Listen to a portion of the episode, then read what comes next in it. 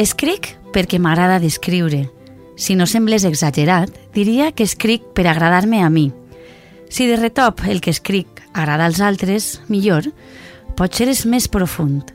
Potser escric per afirmar-me, per sentir que sóc. Mercè Rodoreda.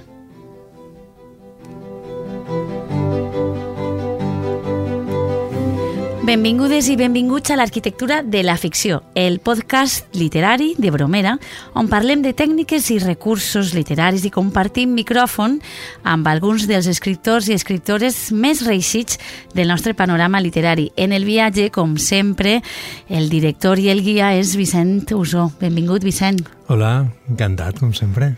Avui tenim, tenim una cosa molt curiosa. Jo fins i tot diria que et veig preocupat. Què passa? Eh, una mica sí, la veritat és que sí. Mira, t'explique. L'altre dia, en la web d'una plataforma de gestió de drets d'autor, vaig trobar un article que em va inquietar una mica, una mica bastant. Parlava de com es gestionarien els drets d'autor quan les obres literàries les escrigueren robots, és a dir, intel·ligències artificials, que en diem ara, i no persones. La veritat és que els últims mesos la intel·ligència artificial s'ha fet present en les nostres vides d'una manera aclaparadora i sembla que canviarà la forma en què ens relacionem no sols amb internet, sinó també entre nosaltres mateixos entre nosaltres i el món. Fa uns anys, de fet, la, la cosa no és del tot nova, perquè fa uns anys, de fet, l'agència la, de notícies Associated Press va ser notícia perquè feia servir motors de llenguatge natural per redactar notícies econòmiques a partir de dades que li, li incorporaven. Però, clar, allò que era notícia en el seu moment ara és un recurs habitual. De fet, el Washington Post fa servir des de 2016, és a dir, fa un temps, una ferramenta que s'anomena heliògraf per publicar notícies esportives. I la intel·ligència artificial ha avançat tant que diuen que en la botiga d'Amazon ja podem trobar novel·les escrites per ChatGPT i altres intel·ligències artificials. De fet, se'n calculen uns dos centenars. Però com podem saber si alguns dels que no venen signats per ChatGPT, sinó per escriptors humans, no han estat escrits en tot o en part per una intel·ligència artificial? Entenc, entenc perfectament la, la preocupació, no? I, i així que, que ens agrada parlar de, de la cuina de l'escriptor, al final el que passa en la cuina, el que és correcte, és que es queda en la cuina. Es queda allí dins, clar. De fet, aquesta evidència posat en alerta els sindicats d'autors dels Estats Units que li va demanar a, a la plataforma Amazon que certificara quins llibres estaven escrits total o parcialment per una intel·ligència artificial. Però el que passa és que, de moment, Amazon es limita a preguntar als autors qui ha escrit cada text i, per tant, mm -hmm. el que tu dius, allò que està a la cuina, si l'autor no vol confessar-ho, es queda a la cuina. Per tant, donen per bona la paraula de l'autor i no fan cap comprovació que puga certificar-ho. La majoria d'aquests llibres, dels que obertament estan escrits per intel·ligències artificials, tenen com a destinatari el públic infantil i s'acompanyen també d'il·lustracions generades per intel·ligència artificial, però també n'hi ha per adults. De fet, en un article que vaig poder llegir, el periodista Antonio Rivera citava alguns d'aquests títols, estan tots ells en anglès, i en traduïts els títols vindrien a ser El poder dels deures o La lliçó del teixidor d'estrelles, estos són per a xiquets, o Ecos de l'univers per a adults. En fi, encara n'hi ha un tercer àmbit, un tercer apartat adreçat exclusivament a adults, allò que abans se qualificava com a S, que ara ja no sé com es qualifica. De fet, el títol és Proxeneta Galàctic, que, en fi, ja dona bastant una idea sí. de per on van les coses, no? Bé, la cosa és que com me picava la curiositat, se'm va córrer demanar-li a ChatGPT, una intel·ligència artificial, la més coneguda, que m'indicara tres llibres escrits en català per una intel·ligència artificial. A veure què em contestava. Saps què em va dir? No ho sé, però crec que tenim tots molta curiositat. Doncs em va dir que no tenia eh, accés en temps real a Amazon i per tant que no em podia contestar, però que sí que em podia suggerir tres títols de tres novel·les hipotètiques. Eh, a veure, hipotètiques, si continua significant el que, el que ha significat sempre i la intel·ligència artificial no ho ha canviat, és que, que no existixen, no? O sigui, et va suggerir tres novel·les que no existixen. Encara no, i pot ser era una proposició que em feia, no ho sé. Bé, els títols eren L'ànima binària, la poesia cibertrònica i el laberint algorítmic. En fi, jo, jo no entenc molt de títols, però em sembla que posen títols el, el xat de PT aquest encara es lluís menys que jo. Aleshores, li vaig suggerir, ja que eren hipotètiques, que, que si em podia escriure alguna d'aquestes tres. I, I ho va fer? Te, te'l va escriure? Eh, no, ben bé. El. Es veu que ChatGPT és una mica tímid, perquè no es va atrevir a contestar-me que sí que podia, i tots sabem que sí que pot. Uh -huh. Em va dir que m'escriuria un fragment del laberint algorítmic, l'inici de, de la novel·la, però potser en el fons no deixava ser una altra invitació perquè jo li diguera que m'agradava i que continuara escrivint. La veritat és que no ho sé perquè ho vam deixar així, no volia jo més, més històries i no volia anar més enllà. El cas és que si vols podem escoltar el fragment que em va escriure ChatGPT. És l'inici del primer capítol, com deia, i per cert té títol i es titula L'arribada al món digital. Sí, sí, tinc molta curiositat. Escoltem-lo. El protagonista, en Marc, va despertar en un món totalment virtual. Tot el seu voltant era una mar de codi i píxels, on els colors brillaven amb intensitat. Va mirar al seu voltant i va veure un enorme laberint que s'estenia fins on arribava la vista. Les parets del laberint canviaven constantment, formant nous camins i bifurcacions de manera automàtica. Com he arribat aquí? Es va preguntar en Marc, intentant recuperar el seu últim record abans de ser transportat a aquesta dimensió digital. Va tocar la seva pell virtual i va sentir la textura suau i llisa dels píxels – Sabia que només hi havia una manera de sortir d'aquest laberint algorítmic, resoldre els reptes que l'esperaven al llarg del camí. Amb el cor bategant d'una barreja d'emoció i por, en Marc va endinsar-se al laberint, conscient que cada pas que feia l'apropava més a la veritat amagada darrere d'aquest món digital.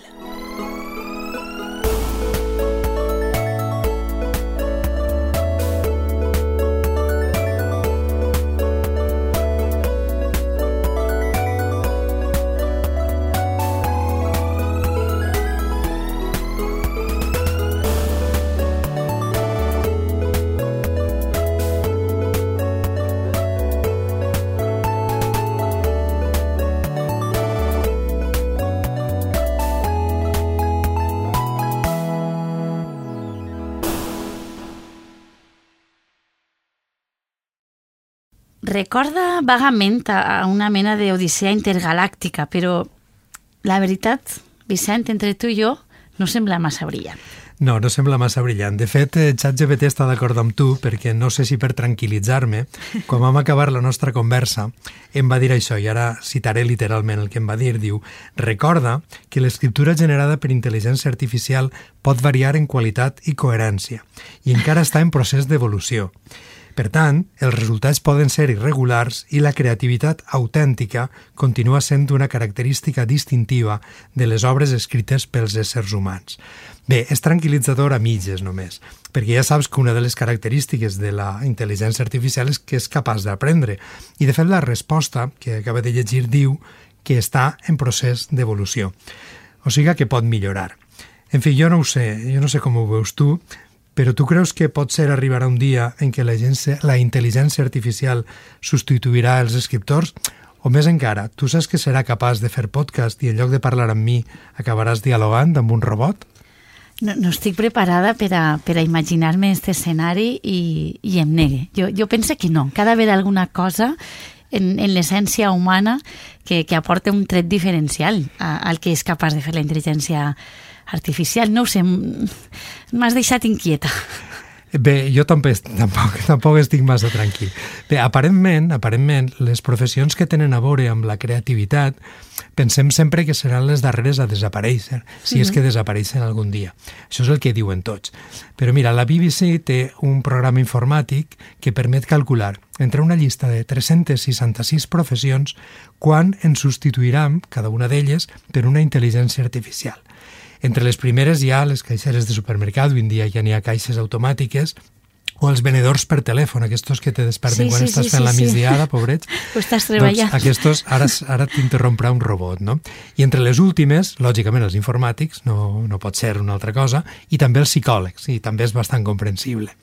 Bé, els escriptors estem en la posició 220 sobre 366, és a dir, en la zona temperada, la zona mitja. I pel que fa al podcast, un article publicat en una revista que es diu Business Insider assegurava que la intel·ligència artificial està entrant en el món del podcast, però que qui corre perill de moment no són tant els locutors com els guionistes. perquè les intel·ligències artificials ja són capaces, ara mateix, d'escriure guions per elles soles. Però encara es nota una mica que no parlen com els humans. Ai, ara sí que ja m'has deixat inquieta del tot, tot arribarà. I, i una pregunta, eh? I, i que, no, que no siga ofensiva. Este guió, qui l'ha escrit? Perquè com veig que has estat ahí fent experiments i t'has fet tan amic del xat GPT, no l'hauràs escrit a mitges. Eh, podria ser que l'haguérem escrit a mitges. De fet, si remenem per internet podem trobar un llibre, està en anglès, que invita obertament a crear continguts fent servir la intel·ligència artificial. Es diu així, com escriure articles i crear contingut en xat GPT, o sigui que no enganya ningú. Uh mhm. -huh. Però no, et puc assegurar que no m'he fet amb ell, no l'he llegit, i que aquest guió l'he escrit jo solet. Ara, la possibilitat com a existir existeix. De fet, hi ha un podcast anomenat precisament Podcast AI, que està produït completament per una intel·ligència artificial i en el qual fan servir la tecnologia per mantenir converses que serien impossibles en el món real, per dir-ho així. Una miqueta inquietant. Este, este podcast d'avui és una miqueta terrorífic, Vicent. No t'ho negaré. Així que tornem a literatura, anem a veure quines possibilitats reals li veus a la intel·ligència artificial? Bé, ara per ara, en el moment en què estem, sembla clar que la intel·ligència artificial actua per imitació. I si bé és capaç de generar textos i fins i tot de presentar-los en un estil determinat, ho fa sempre a partir de continguts ja existents prèviament i elaborats sempre per humans. De fet, la periodista Marta Sánchez Díez es preguntava en un article si de veres volem un artefacte que escriga nous llibres basats a l'atzar en combinacions del conjunt de llibres que ja existeixen. Així que, de moment, els escriptors sembla que podem estar tranquils a pesar de la BBC, perquè encara no té la complexitat del cervell humà, un horitzó que els experts encara veuen una mica lluny. Tranquils, però no del tot, perquè en el mateix article Marta Sánchez Díez plantejava que quan parlem que un model informàtic és una eina que està inspirada com una entitat, per tant, en vida pròpia, ens oblidem que al darrere hi ha una corporació, una corporació, una empresa, uh -huh. que en primer lloc està furtant dades dels artistes sense comptar amb el seu consentiment i sense compensar-los per usar els, els seus materials, uns materials que després empaqueta per al seu benefici. Sí, una qüestió de, de les dades, de, de la gestió de les dades, de la intel·ligència artificial, al final el que ens preocupa a tots no? és saber que darrere, en el fons, el que ja és eh, una necessitat o un plantejament empresarial i, de negoci. Tot això que comentes té, té unes implicacions legals i, i també morals, no? que, que caldrà resoldre d'alguna manera. Les hauríem de resoldre. De fet, eh, ja s'han mobilitzat els escriptors i no sols als Estats Units. L'European Writers Council, del qual forma part, entre altres, l'Associació d'Escriptors en Llengua Catalana, ja plantejava que caldrà definir els límits entre l'originalitat i el caràcter derivat d'una obra que ha comptat amb la intervenció de la intel·ligència artificial a partir d'altres obres i materials que ja existien i garantir que aquestes dades han estat extretes de manera ètica i respectuosa amb els drets d'autor. De moment, les intel·ligències artificials que podem consultar ofereixen resultats que es basen en un no consentit i no remunerat accés a imatges, fotos privades i textos que estan protegits per els drets d'autor i demanen les associacions d'escriptors, entre altres coses, el tractament regulat, remunerat i transparent d'aquestes dades o la necessitat de controlar i identificar aquells productes que aquests programes originen per tal de diferenciar-los de les creacions que són fruit únicament de, de l'esforç humà. Això més té, té una implicació molt, molt més àmplia, perquè més enllà de, del procés de, de creació, e, és un fet que la cadena del llibre, que alguns processos ja s'estan incorporant la intel·ligència artificial i sembla que cada vegada ho farà més. Sí, eh, de moment ja s'han incorporat a la cadena de llibre, però sempre en processos no creatius, com tu mm. dius. Per exemple, correcció de textos. Ja fa molt de temps que els ordenadors tenen la possibilitat de corregir, de corregir. textos. Mm. Pot ser no eren tan fins com ara, però ja existien. Per exemple, la gestió de Big Data també és una, una qüestió en la qual la intel·ligència artificial està entrant. I segurament és previsible que facilite també la transformació del text en altres formes. Per exemple, audiollibres, llibres digitals, mm-hmm. videojocs... Mm. Si vols, eh, podem escoltar el que es explica a la, a la revista W Magazine Consuelo Saizar de la Fuente. És una sociòloga de la cultura que ha estat directora del Fons de Cultura Econòmica de Mèxic del CERLAC, el Centre Regional per al Foment del Llibre a Amèrica Llatina, que reflexiona sobre totes aquestes coses. L'escriptor genera arquitectures verbals, Aquest és el poder creador. És autor irrepetible de textos en què es conjuguen els pensaments, la imaginació, les experiències, el context, les admiracions, les emocions, la biografia, la moral, la perspectiva, la manera d'enfrontar la pàgina en blanc i el món. Un conjunt que fins ara no és replicable per la intel·ligència artificial.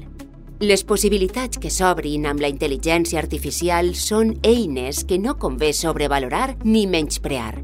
Són extensions de les nostres capacitats que farem bé en explorar en comptes de rebutjar, conèixer en comptes de combatre, fer part de les nostres vides en comptes de negar-nos a realitats que potser modelaran el futur de la nostra espècie. Només coneixent i utilitzant la intel·ligència artificial aconseguirem treure'n el màxim profit en la creació literària i altres àmbits, en lloc de temer-la o veure'ns desplaçats per ella.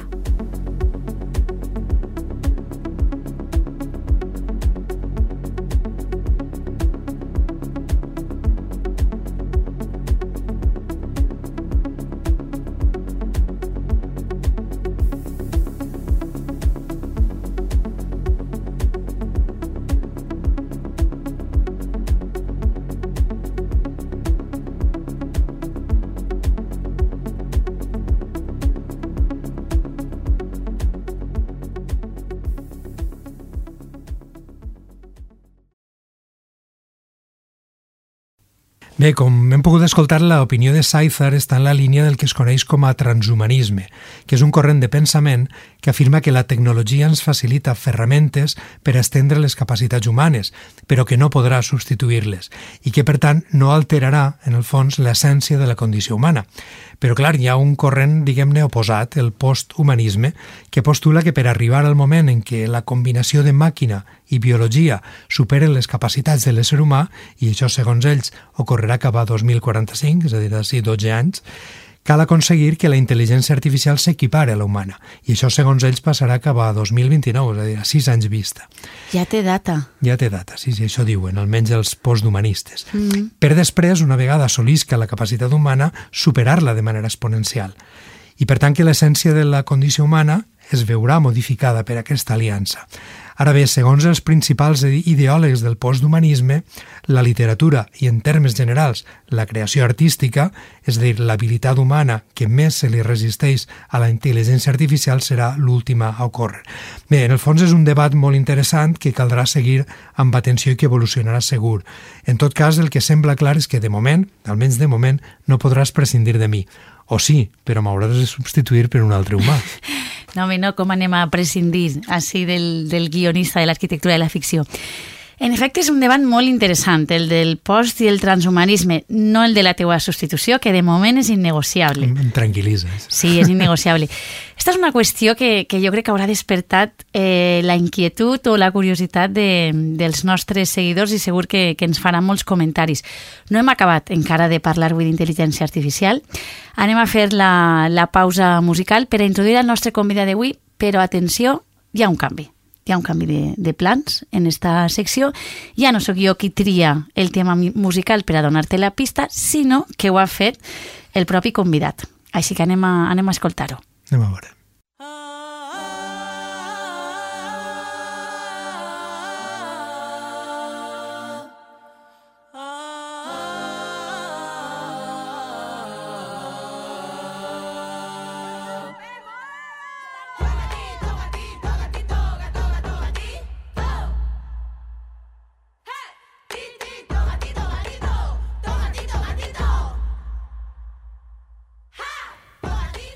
Vicent, entrem en la part que a mi més m'agrada del, del, del podcast. Què et diu esta cançó? Dona alguna pista de la persona que anem a tindre avui? Ho he complicat, eh? En relació als anteriors episodis. Avui ho has complicat una mica, no? O jo estic espesset o la veritat és que no, no ho trobo... És que saps com, fins ara, el que estava fent és una miqueta jo per intuïció triar un tema musical. I, clar, donava moltes pistes, però ara eh, són els convidats o les convidades els ah, que trien. Pensava que li ho havies dit a la intel·ligència artificial. No, no, però mira, li haguérem pogut preguntar, eh? No Segurament, ahir, no no? m'ha arribat ahir. Bé, el nostre convidat d'avui és Sebastià Portell, és escriptor, però a més és actualment president de l'Associació d'Escriptors en Llengua Catalana i havíem pensat que era la persona adequada per a seguir parlant una miqueta de tot el que hem descobert avui en el, en el podcast d'intel·ligència artificial. Sebastià, benvingut. Moltes gràcies. Li vas posar difícil a Vicent perquè encertara qui era el convidat d'avui. Doncs mira, vaig triar aquesta cançó, El desig, de Marala, perquè m'encanta d'on ve, parteix de... està inspirat la lletra en, en la poesia d'Eusiàs Marc, va ser un encàrrec, si no vaig equivocat, de l'Ajuntament de Gandia, i perquè Marala m'encanta. És un grup format per una catalana, na Selma Bruna, una mallorquina, na Clara Fiol, i, i una valenciana, na Sandra Montfort, que és de Pedreguer, i, i les conec personalment, m'encanta el que fan, i vaig pensar que era una bona manera de començar. Uh -huh. Fantàstic, molt bona tria, sí, molt sí. bona tria. eh? Jo vaig anar a veure-les fa un temps al, al Palau de, de les Arts i, i la veritat que, que vaig quedar meravellada. Vicent, si no les he escoltat Són en directe, sobretot, són, són Ho fantàstiques. faré, ho faré. Bé, anem a, anem a entrar en matèria. Sebastià, el primer que et volíem preguntar és... eh, Hem estat així molt co- comentant la qüestió de, de la intel·ligència artificial amb Vicent, com afecta la literatura i, clar, volíem el primer que res escoltar la teva opinió al respecte, no? Com la irrupció de la intel·ligència artificial pot afectar a la literatura, als escriptors i a les escriptores. Clar, pot ser una, una revolució eh, i de fet jo crec que hem de donar la benvinguda a tots els avenços tècnics i tecnològics que hi hagi, com, com hem fet sempre.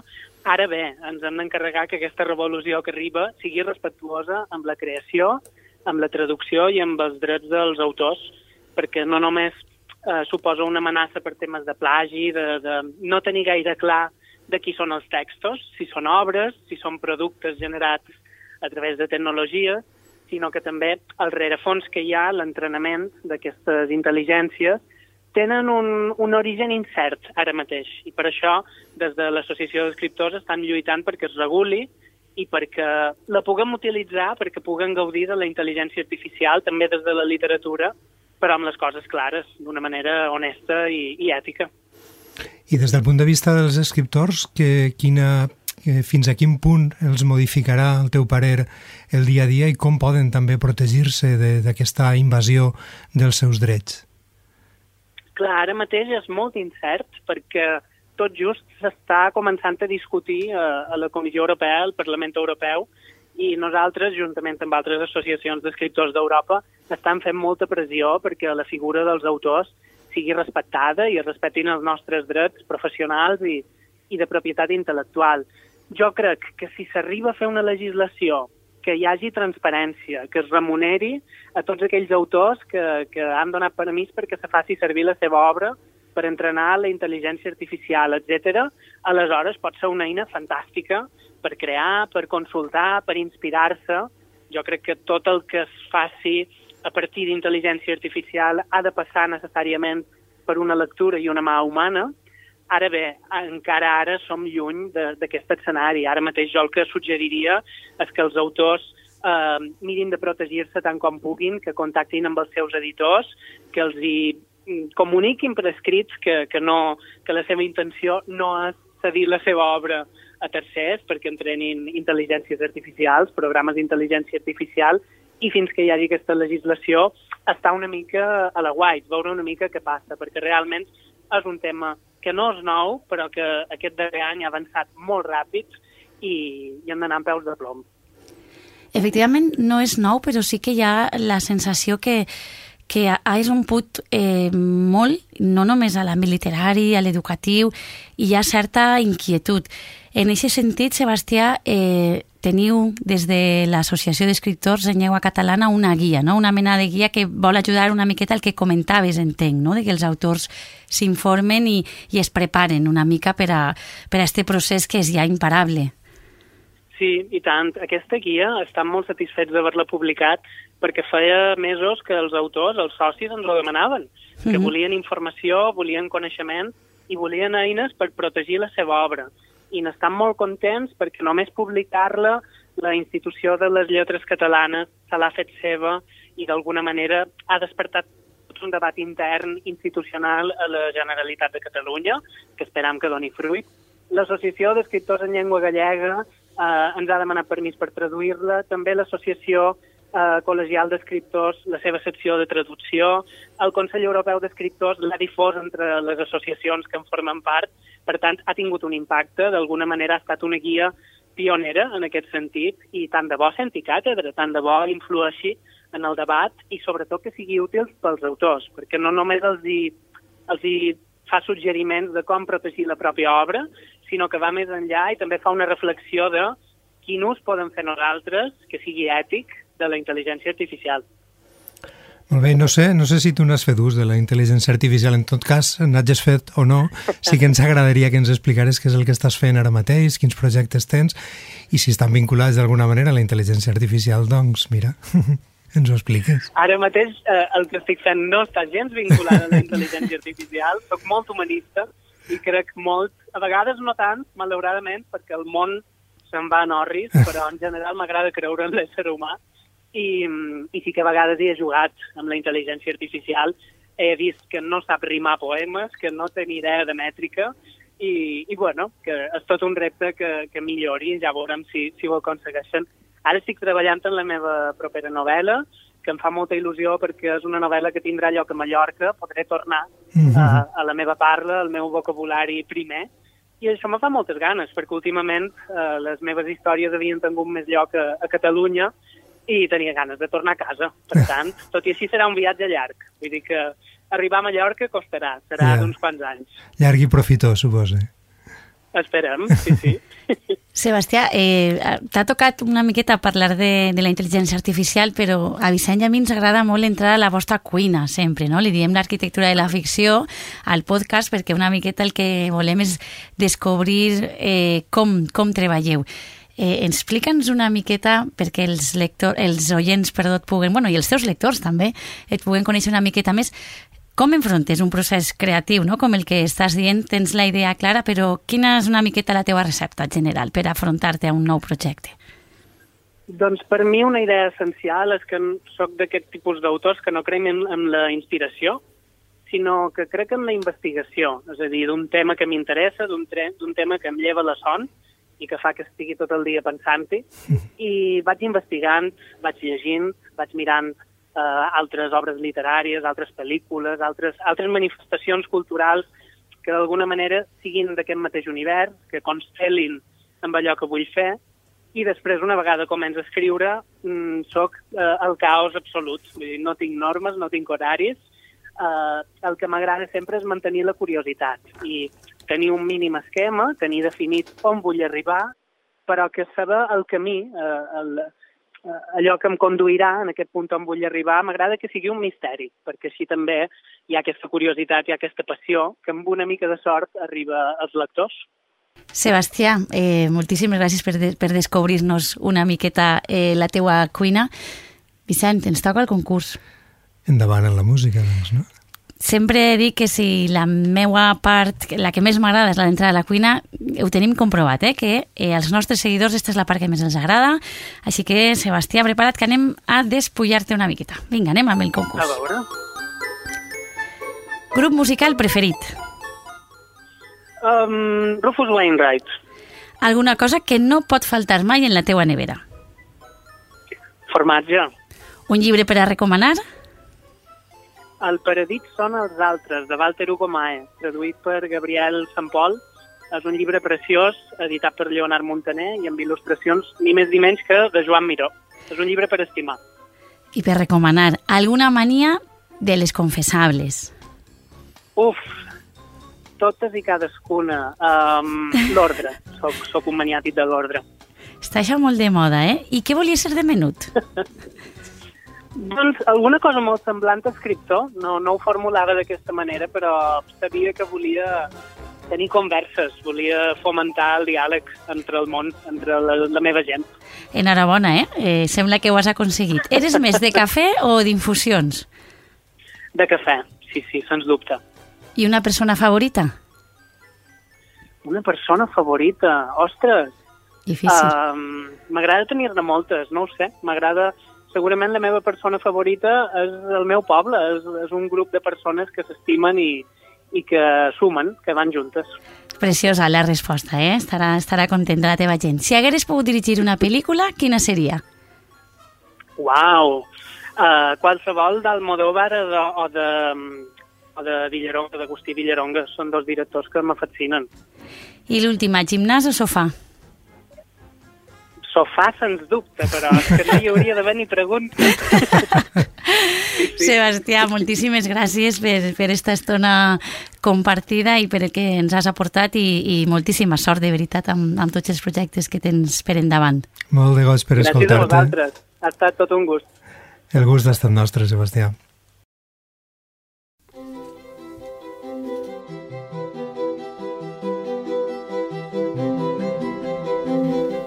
Bé, Vicent, i estem ja en la recta final d'un nou viatge. Mm -hmm. No sabem cap a on. Incert. Avui Totalment incert. incert.